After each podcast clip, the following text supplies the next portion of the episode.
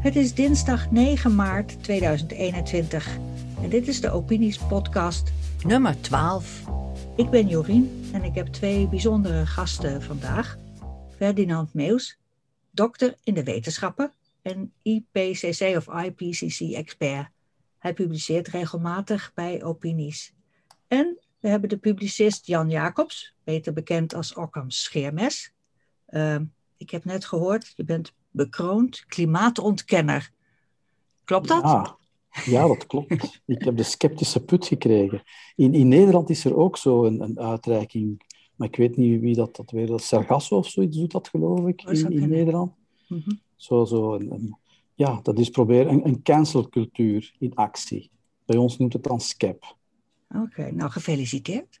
Dank je wel. Ik heb hem ook graag gaan ontvangen en Ferdinand was er ook bij toen. Oké, ja, iets om trots op te zijn, denk ik. Ja, ik vind het wel, ja. Oké, Ferdinand, kun je ook even laten horen hoe je klinkt? Ja, dit is uh, Ferdinand. Ik hoop dat mijn stem heel zacht overkomt. Hij uh, is goed te horen in elk geval. Oké, jullie zijn allebei bijzonder geïnteresseerd in uh, wetenschappelijk onderzoek naar uh, klimaat of de planeet, hoe zal ik het zeggen? En als we luisteren naar uh, politiek en media, dan krijgen we de indruk dat onze planeet in een acute klimaat- en natuurcrisis verkeert. Het is vijf voor twaalf, die indruk krijg ik. En is dat ook zo, Jan of Ferdinand? Is dat waar? Zijn we in, op een kritieke positie terechtgekomen met onze planeet? Nee, het is oh. nog nooit zo goed geweest. Okay. Dat, is, dat is eigenlijk het probleem. Het is nog nooit zo goed geweest. Er is de voorbije 33 jaar uh, tweemaal het continent van de Verenigde Staten is erbij gekomen aan groen op onze planeet. En toch denken mensen dat er minder bomen en minder natuur is. Er zijn 3000 miljard bomen op onze planeet. Het gaat heel goed. Er verdwijnt wel wat bos, maar er komt ook altijd wat bos bij. En, en wat betreft levensverwachting, milieu, uh, kindersterfte, alles wat dat op onze planeet is beter aan het worden de voorbije 100, 150 jaar. En dat is dankzij fossiele brandstoffen. Waarom men dan zo radicaal daartegen is, dat begrijp ik niet. Onlangs luidde ook Sigrid Kaag, de D66-lijsttrekker, eh, de noodklok over het klimaat? Ja, het is een verdien en een politiek model. Het gaat niet meer over wetenschap. We zijn wel geïnteresseerd in wetenschap, maar dit, dit dossier gaat niet over wetenschap. Dit gaat over doorgedreven ideologie. En, en dat heeft men niet door eigenlijk. Men misbruikt wetenschap om een ideologie te pushen. En die ideologie is er eentje van, we moeten het allemaal met minder doen, het gaat allemaal slecht. Maar een kleine elitegroep, die mag natuurlijk wel leven uh, tegen 100 per uur. En daarover gaat het eigenlijk. Het is een communisme 2.0 voor mij. En dat is zo klaar en duidelijk als een kloontje. Oké, dus waar het vandaan komt, dat, uh, dat weten we nu. Maar er worden wel, uh, ja, er worden wel wetenschappelijke feiten aangevoerd, Ferdinand. tenminste, zo oogt het. He, er zijn meer bosbranden, bijvoorbeeld. Het aantal bosbranden neemt toe. Dat is toch, betekent dat er global warming beter bezig is?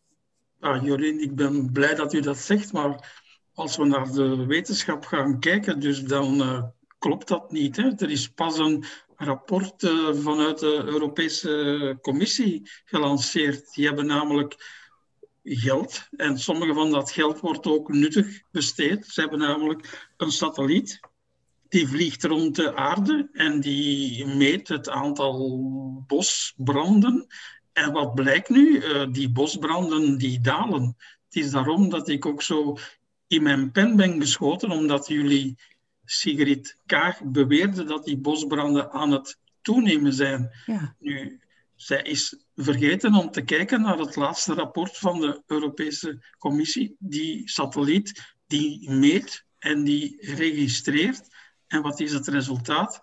Er zijn wereldwijd minder bosbranden. Dus eigenlijk zou iemand het lef moeten hebben om een rechtszaak te starten, omdat zij dus foute, misleidende informatie aan het Nederlandse volk verkondigt. Ja, en er is ook eh, ergens een medeplichtigheid van de pers die dat nooit eens nakijken of die informatie wel klopt. Er was gisteren nog een tweet van de wetenschapper Bjorn Lomborg die zegt in Australië, die bosbranden, de voorbije twintig jaar zijn er nog nooit zo weinig bosbranden geweest, is er nog nooit zo weinig areaal vernietigd geweest dan, dan, dan de voorbije twintig jaar. Vroeger was dat veel en veel erger.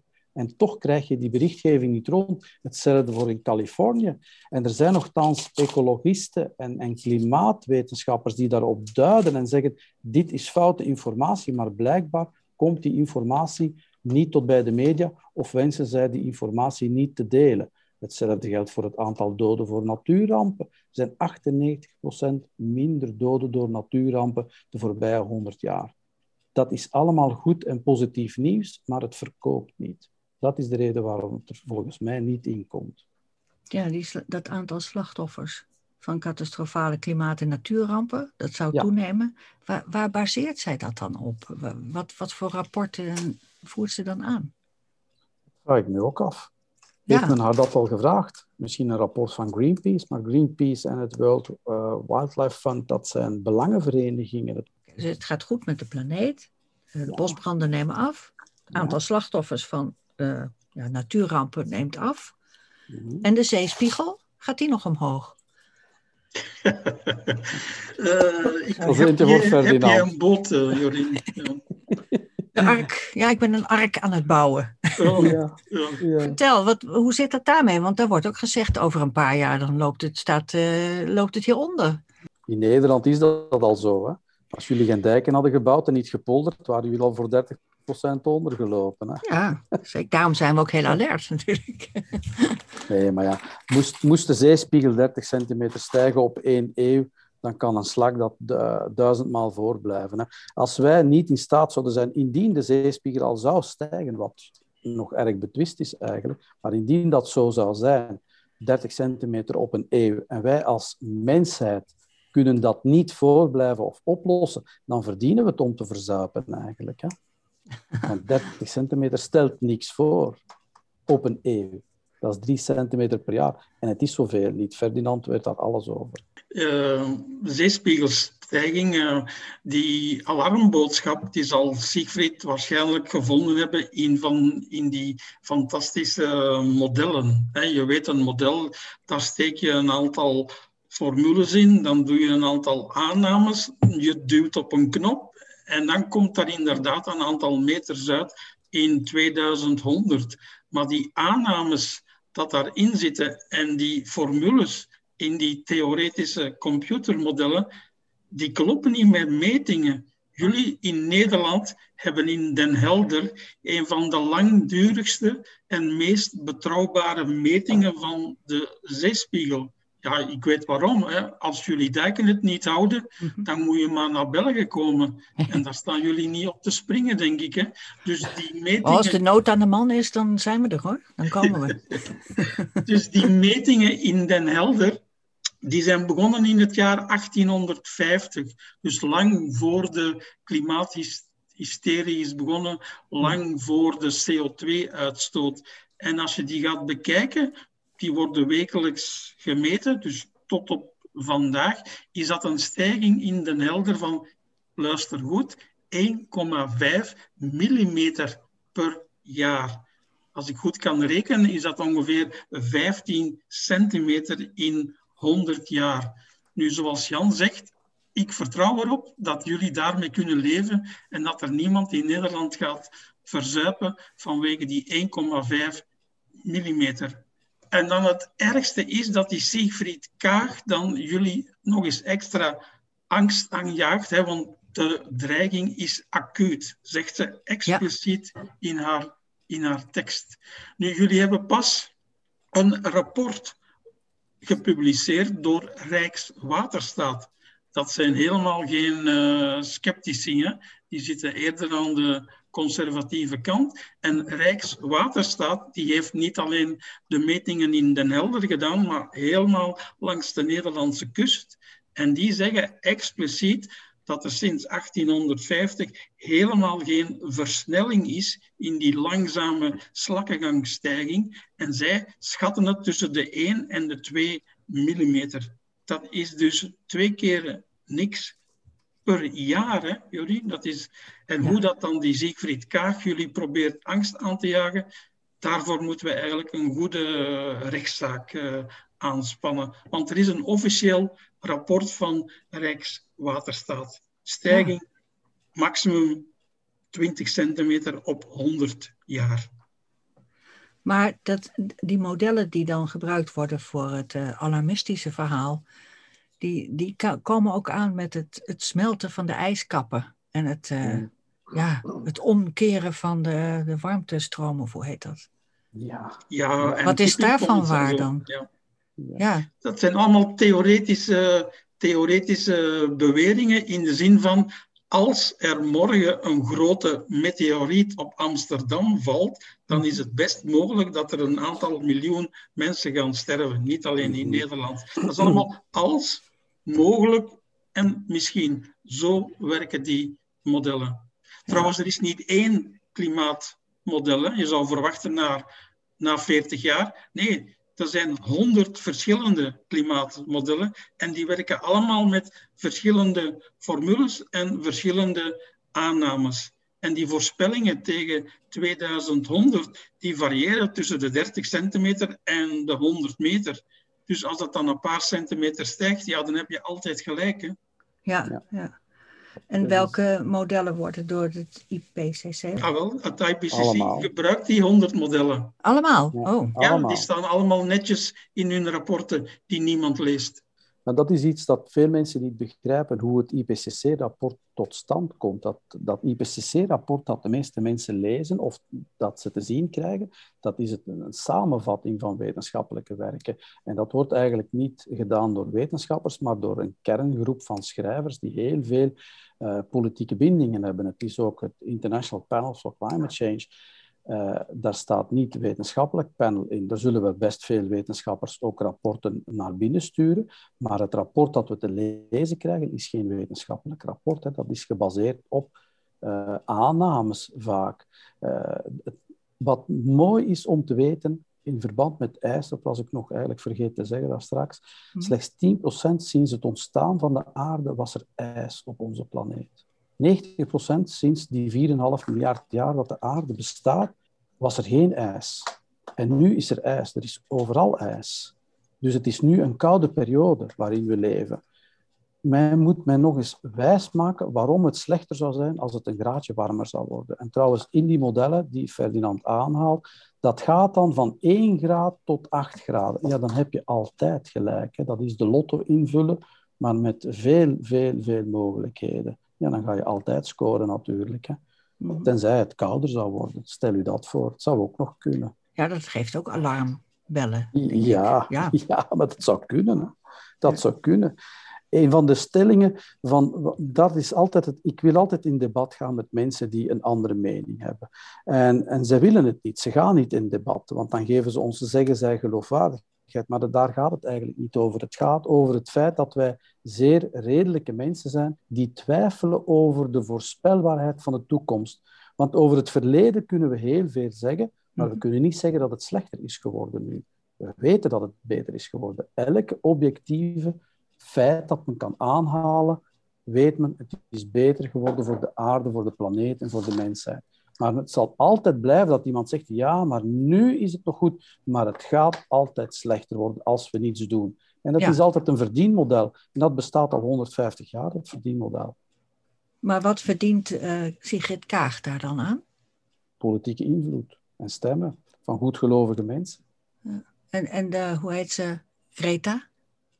Greta? Greta misschien is niks, maar de mensen achter Greta zullen wel iets verdienen. En de IPCC?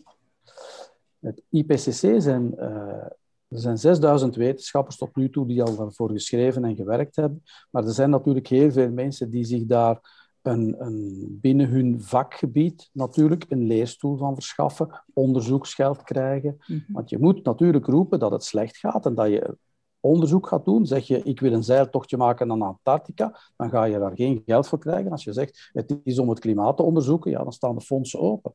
Dan ga je geld krijgen, want je gaat het klimaat onderzoeken in Antarctica. Dat is eigenlijk de, de, enige reden. Maar er is een hele industrie ontstaan. Het is het, het, het klimaatindustrieel complex Want behalve dan dat ze zeggen dat ze de toekomst kunnen voorspellen over het klimaat, zeggen deze wonderbaarlijke wetenschappers ook nog eens hoe we het moeten oplossen. En dan komen ze altijd met oplossingen die onbetaalbaar, onhaalbaar en onwerkbaar zijn. Ja, er is ook een hele industrie achter die duizenden miljarden opeet per jaar, die tot niets zal leiden. Ja, want, want het, het, eh, zeg maar, het hele klimaatverhaal van we gaan bijna dood, uh, wordt gebruikt om de energietransitie te realiseren. Ja, ja dat is een feit. Uh, in de zin van we moeten ook af van de fossiele brandstoffen. Ja. Is dat zo? Moeten we daar vanaf? Voor mij niet, nee. nee, nee. Wat, waar we vanaf moeten is doemdenken en nu teruggaan naar minder efficiënte energiebronnen. Men gaat ons nu proberen wijs te maken dat we terug de was moeten gaan wassen en drogen met de zon en de wind. In plaats mhm. van in een wasmachine en een droogtrommel. Daarover gaat het. Men zegt, we gaan een windmolen zetten en een zonnepaneel en dat is nieuwe energie. Nee, die energie hebben we al duizenden jaren gebruikt. We hebben tot als fossiele energie er gekomen is, hebben we altijd met hernieuwbare energiebronnen gewerkt. Hout opstoken, mhm. wind gebruiken, zon gebruiken. Maar door efficiënter gebruik te maken van de energiebronnen, zoals kolen, zoals bruinkool, zoals olie, zoals gas en dan nucleair, hebben we minder ruimte, minder milieubelasting en wordt het altijd maar beter. Maar nu wenst men dus naar minder efficiënt te gaan en zeggen dat dat vooruitgang is. Dat is Voor toch mij niet is slim? onbegrijpelijk. Ja, dat is toch niet slim? Dat is niet slim. Maar dat is natuurlijk een mooi verdienmodel. En het is ook een goed verdienmodel voor de fossiele maatschappijen, want die blijven natuurlijk heel veel olie verkopen dankzij die windmolens en die zonnepanelen. Hoe, zit dat? Hoe zit dat precies? Ja, omdat het onbetrouwbaar is. Als het niet waait en de zon mhm. schijnt niet, dan heb je fossiel nodig om aan te vullen, of nucleair. En, en zolang als men dus inzet op wind en zon, zal fossiel uh, nodig zijn en zal nucleair nodig zijn. Maar dat zit in het verdomhoekje. Al die groene groepen en mevrouw Kaag zijn allemaal mensen die zeggen eigenlijk die 2% van alle energie die er opgewekt wordt op de wereld, want wind en zon wekken slechts 2% op van alle energie die we nodig hebben en verbruiken door de mensheid op de planeet. Wel, slechts 2% van die energie draagt de goedkeuring weg van mevrouw Kaag en de, de GroenLinkse lobby. Die andere 98%, fossiel en nucleair en ook hydro, daar zijn zij tegen. Bon, wij niet. Wij zijn daar niet tegen. Nee. En hoe kan het van, uh, dat, de, zeg maar dat als je komt met, met nuchtere feiten, die je net noemt, dat die gewoon geen, uh, uh, geen vaste grond onder de voeten krijgen? Ideologie? als je met die mensen praat, dat, dat gaat niet over cijfers, of over haalbaarheid, of over logica, of over argumentatie. En het is ook zo dat er binnen die grote groene groepering is er ook een schisma. Want je hebt natuurlijk bij die groenen is er een schisma ontstaan doordat er ecomodernisten zijn gekomen. En die ecomodernisten die zeggen, we moeten nucleair gaan doen. De, de peetvader van de klimaatopwarming, James Hansen, de man die in 1988 de kat de bel heeft aangebonden door te zeggen, er is een probleem met menselijke CO2, die man is heel erg pro-nucleair, samen met heel veel andere klimaatwetenschappers. Maar daar stopt dan Sigrid Kaag en de groene lobby, nee, dat is nucleair, daar willen ze niet van weten. Dus ze zeggen wel tegen iedereen, volg de wetenschap, de zeespiegel gaat stijgen, menselijk CO2 is een probleem, het klimaat, we gaan opbranden.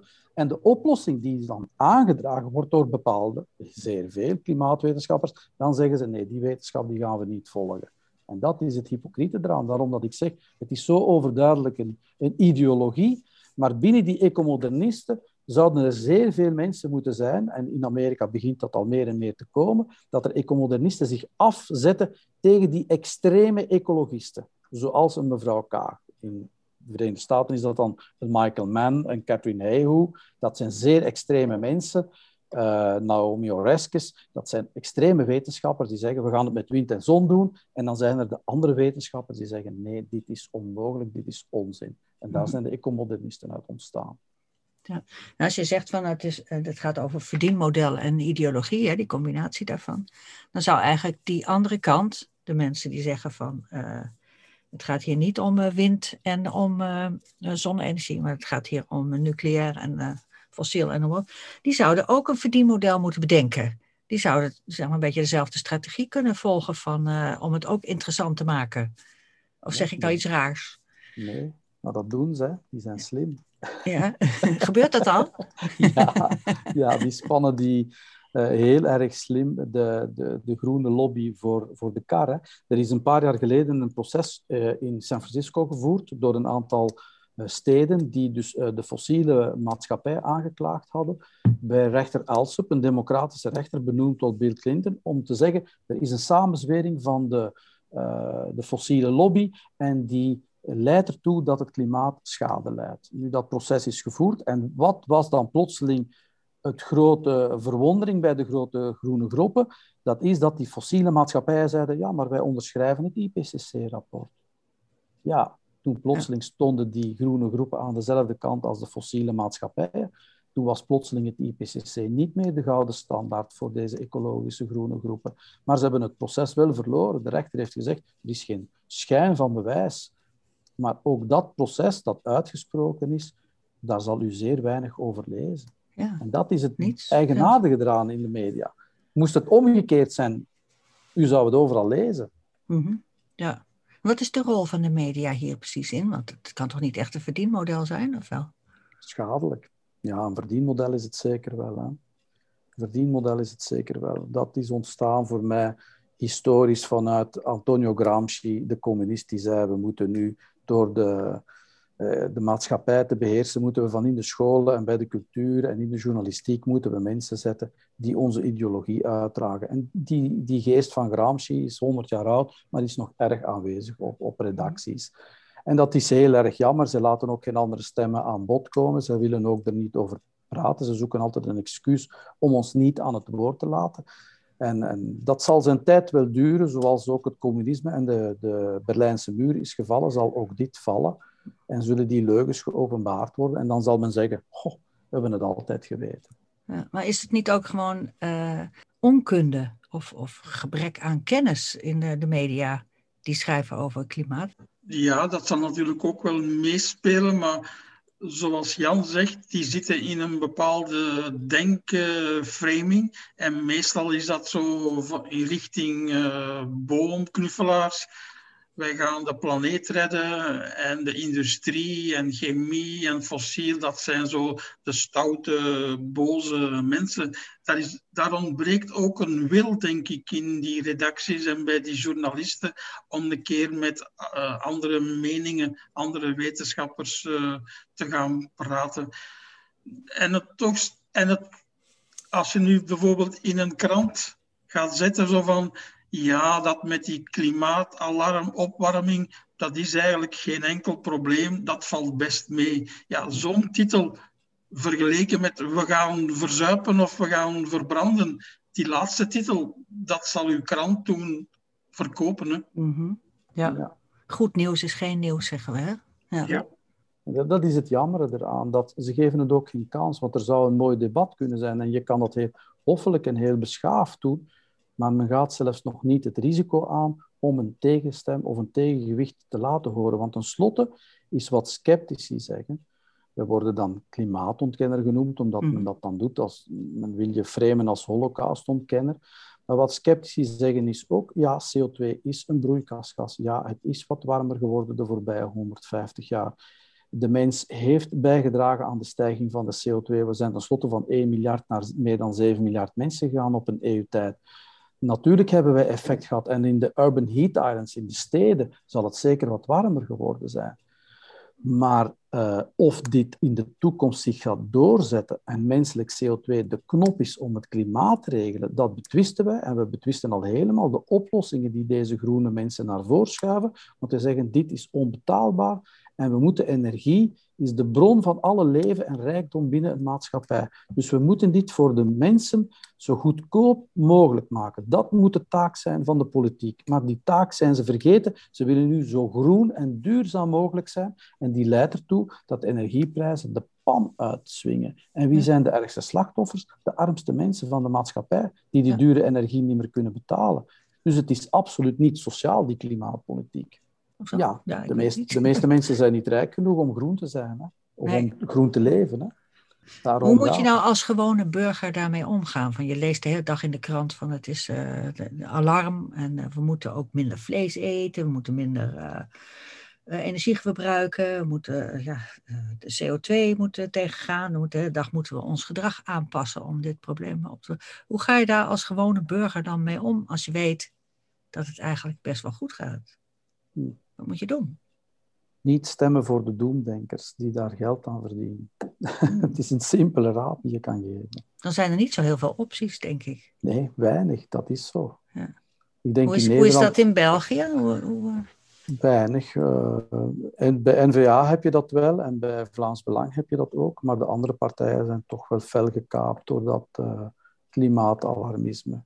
Er is ook een angst voor mensen om zich daartegen te verzetten. Wat Ferdinand daar juist zei, is soms heb je alleen een, een, een faux pas van een politicus die per ongeluk zegt, ja, maar dat klimaat, moeten, die, die mag dat maar in een interview van, van tien pagina's, kan die daar is één klein woordje verkeerd, ja, dan wordt er een hele hetze ontketen. Hmm. Ik herinner me nog dat uh, Theo Franken bij ons er ooit eens een kleine uitspraak over jongen, jongen, jongen, dan worden alle troepen gemobiliseerd om die man even terecht te wijzen, want wat heeft hij daar gezegd? En dan hebben ze schrik, dan durven ze zich niet verzetten. En dat is vreemd. Dat is vreemd, want tenslotte kost het allemaal veel geld voor ons. Er is een gebrek aan moed bij veel rechtse politici. Ja, nou, we hebben in Nederland één partij die zich uh, uitspreekt tegen de klimaatplannen. En die ook, uh, ja, de FVD. Maar die staat wel alleen ja, daarin, ik weet Van de PVV, hebben die daar een uitspraak over gedaan al? Of eh, zijn ze... Uh, Jan, ik heb Geert Wilders wel eens in het Nederlandse parlement horen zeggen dat het allemaal een uh, overdreven hysterisch gedoe is. Dus die heeft zich wel, net zoals Baudet, in die richting uitgesproken. Ja. Dat zou me niet verwonderen. Gezond verstand. Hè? Ja, dat is het, hè? Ja. Gewoon gezond verstand. Het gaat altijd bij. Wat ik ook niet begrijp van sommige ecomodernisten, dan maken ze boekjes en dan schrijven ze en dan zeggen ze wat dat wij zeggen. Het is altijd beter gaan. Fossiele brandstoffen hebben ons geholpen. We willen naar een modernere maatschappij met nucleair, verticale landbouw. Het zijn allemaal zaken waar sceptici ook, allemaal achter staan. Maar wij staan niet achter dat klimaatalarmisme. Gaan allemaal sterven. Er zijn ook heel veel ecomodernisten die dat ook al niet meer beweren.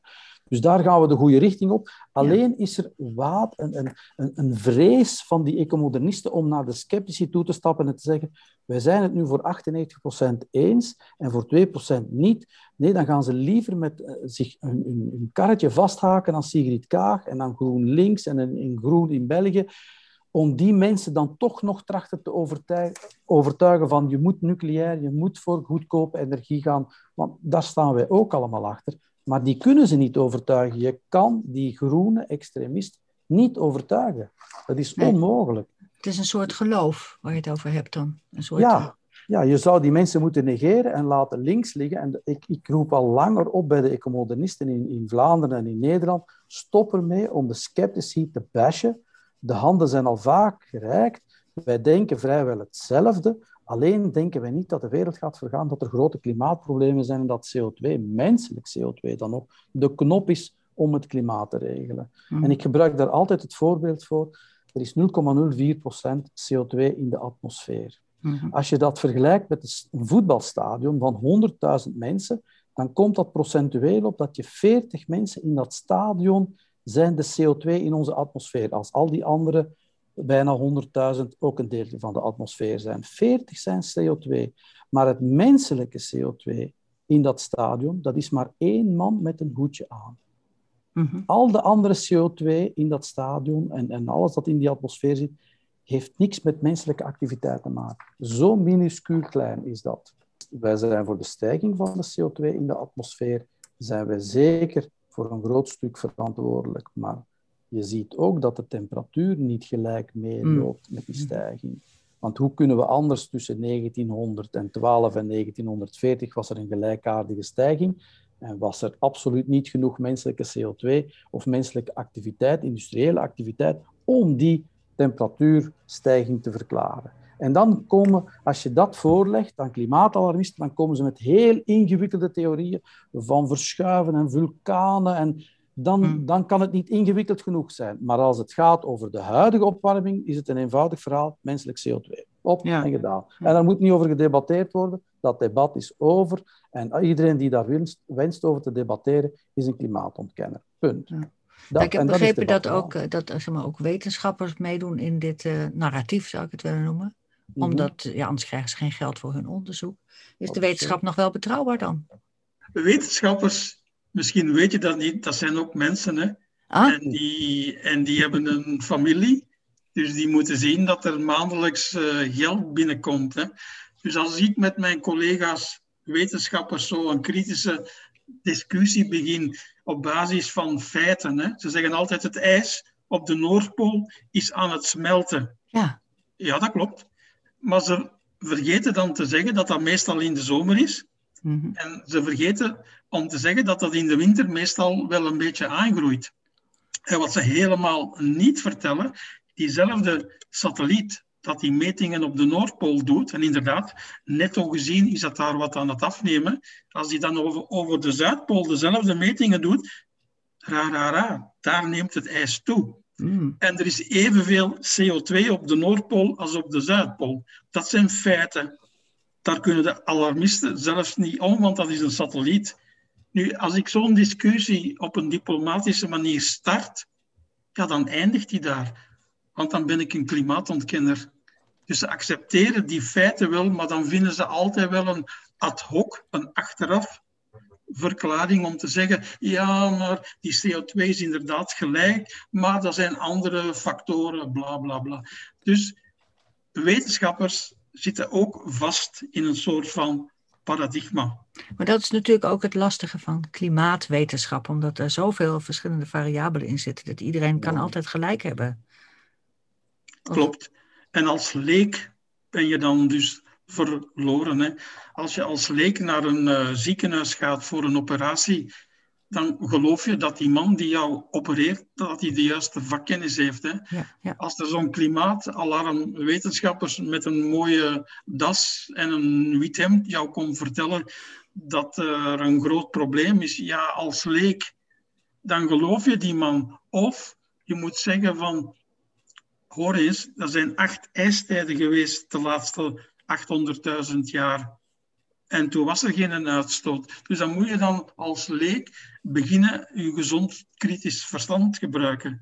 En hopelijk kom je dan bij uh, webmagazines zoals opinies.com terecht, dat je daar ziet mhm. die andere wetenschappers hoort. Maar die andere wetenschappers met een andere mening zijn helaas in de minderheid en die zijn meestal op pensioen. Waarom? Omdat in mijn geval, ik heb geen behoefte meer aan fondsen. Ik hoef geen alarmverhaal te verkopen om aan geld te geraken. Ik ben onafhankelijk. En heel veel van die, van die uh, wetenschappers met een andere mening ze hebben al een zekere leeftijd. Ja. En die zijn niet gebonden. Is het moeilijk om, uh, om uh, ik zou zeggen, zendtijd te krijgen om je verhaal kwijt te kunnen in de bestaande media? Voor, voor, iedereen is het lastig of het nu een wetenschapper is, zoals Ferdinand, of iemand die erover schrijft, zoals ik. Mm dat is altijd lastig. Ik weet nog goed, als ik enkele jaren geleden een artikel schreef, de aarde weigert uh, gevaarlijk halstallig op te warmen. Oh, ja, dan kreeg ik een storm van kritiek, ook van de media. Want wat had ik geschreven? Ik had gewoon gerapporteerd over een, een wetenschappelijk rapport dat gezegd had dat de CO2 minder snel steeg dan ze voorspeld hadden. Dat stond in dat rapport en dat er dus geen echt groot probleem aan de hand was eigenlijk. Ja, dat stond daarin, dus ik maak daar gewacht van. Ja, dat, dat, dat mag je niet schrijven. Want men doet alsof dat er maar één visie is onder de wetenschappers, maar dat is niet waar. Men schermt altijd met 97 procent en er is consensus. Oh ja. Eerst en vooral is wetenschap nooit over consensus, want ja, uh, dat, dat, wetenschap blijft onderzoek. Er moet er maar eentje gelijk hebben. En, en, meer heb je niet nodig. Maar toch blijft men daarmee schermen, alhoewel dat dat absoluut niet het geval is. Er verschijnen honderden papers, uh, wetenschappelijke studies, die zeggen het zal zo geen vaart lopen, laten we kalm blijven. Maar daar lees je of hoor je niks van. Maar het eerstvolgende dat komt met zegt, ja, Antarctica gaat smelten, dat staat mhm. er morgen in. Ja. Dat ga je morgen lezen. Is er nog een manier om dat te doorbreken? Ja, ik, ik geloof rotsvast, ik ben een heel erge optimist, ik geloof rotsvast in het feit dat, net zoals met het communisme, ook dit soort verhaal, dat dat zal sterven. En dat zal sterven omdat de realiteit de, de fictie en de voorspellingen zal achterhalen. Men is nu al sinds 88 aan het roepen, wolf, wolf, wolf, de wolf komt niet, alles is beter geworden. Wie in 1988 18 jaar was, uh, die zal kunnen zeggen dat de wereld verbeterd is voor hem en niet verslechterd als hij terugkijkt. En dat, zal, dat zal binnen tien jaar ook zo zijn. En mensen zullen dat dan wel langzaamaan inzien, dat ze niet in het paradijs wonen, in het communisme, als ze dit geloven van Sigrid Kaag. ik denk ook, als we kijken naar die energietransitie, hè, als jullie in Nederland werkelijk in die richting gaan, dan gaat binnen vijf of binnen tien jaar het licht ook uit. Hè? Want als jullie gaan overschakelen naar uh, zon en naar uh, wind, mhm. ik weet niet, maar in België s'nachts schijnt de zon niet. Hè? En in de winter in Nederland, ik denk dat er dan ook weinig zon is. Hè? Dus de energie vanuit die kant, dat is mhm. goed voor een particulier in de zomer. Nemen we wind Nederland vol met windmolens zetten, dat gaat ook niet lukken. Hè? En die wind die er wordt is wel hard aan elke dag daar. Hè? Dus ik denk dat die realiteit jullie wel gaat inhalen. Hetzelfde in België. In België hebben we nog zes kerncentrales die 50% van onze elektriciteit leveren.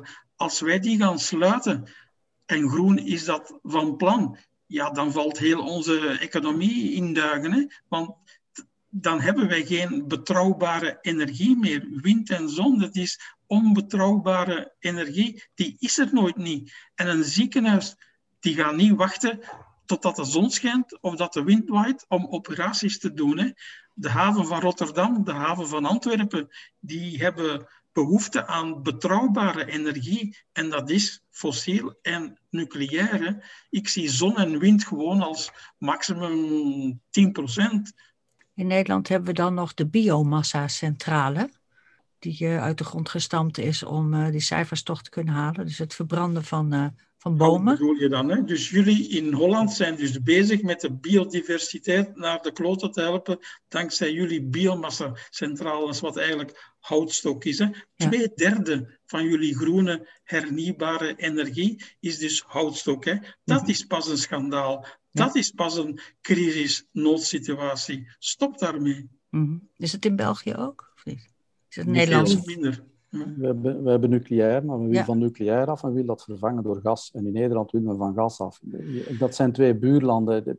Je kan het zo gek allemaal niet bedenken. Het is ergens een, een waanzinnigheid die er in de mensen hun hoofd is geslopen, in, in politiek zijn hoofd is geslopen, dat men zegt, we gaan dit klimaat hier regelen door die zaken te doen. Het is mhm. van de gekken. Het, dat zal nooit gebeuren. De invloed van uh, Nederland of zelfs Europa op het klimaat door onze CO2-uitstoot, die is, die is een druppel op een hete plaat. Zelfs als wij morgen met, met Europa, met die 500 miljoen mensen, geen enkele CO2 meer zouden uitstoten, zal dat niets veranderen aan de CO2-toename uh, op de planeet. Niets zal dat veranderen. Nou ja, goed, we plegen wel graag economische zelfmoord door te doen alsof dat we goed bezig zijn wellicht. Maar waarom dat, dat zo is, eh, dat is voor mij dus een raadsel. Ja, het geeft een goed gevoel voor een heleboel mensen. Denken van, nou, we werken eraan. Ja, Blijkbaar. ik weet niet.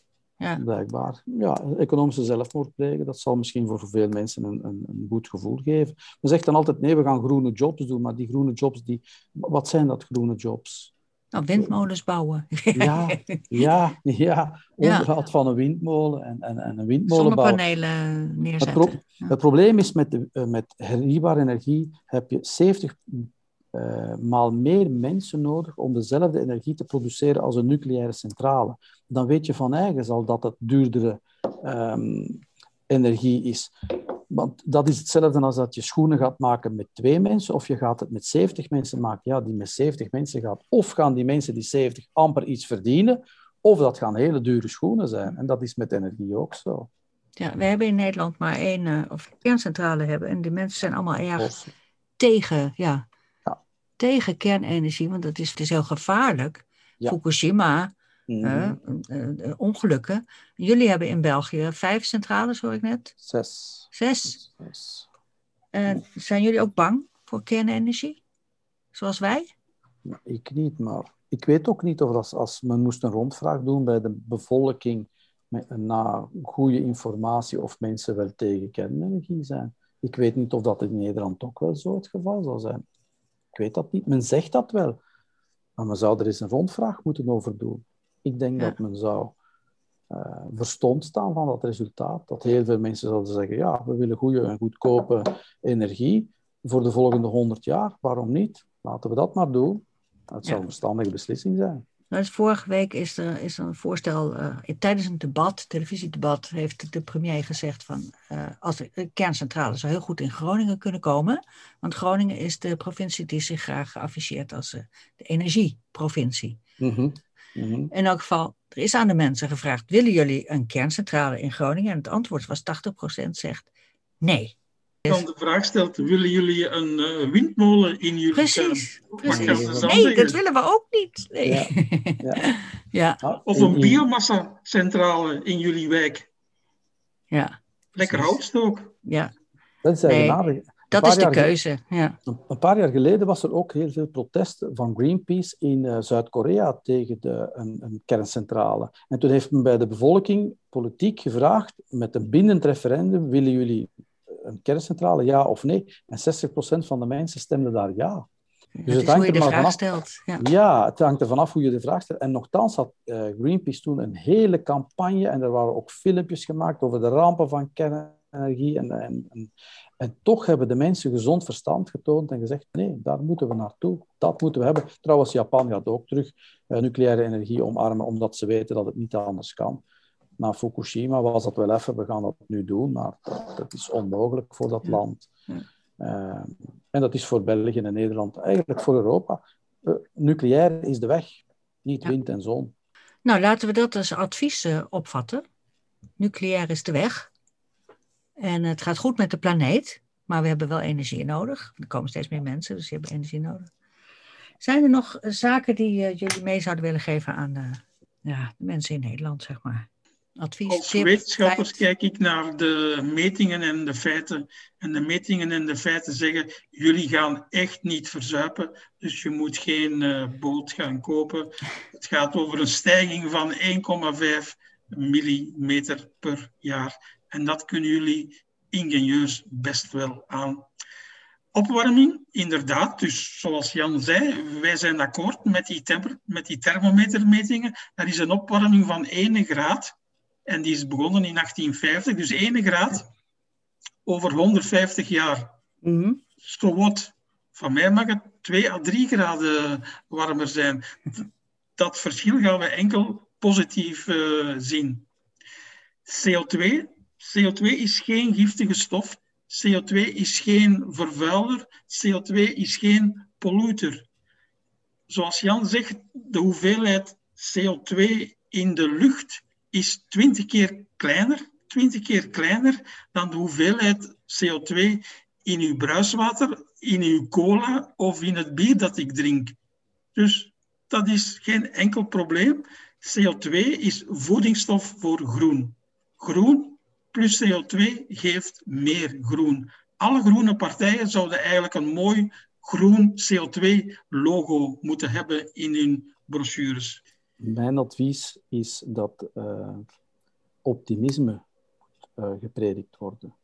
De mensheid maakt fouten en we zullen altijd fouten maken, maar we hebben ook heel veel goede dingen gedaan.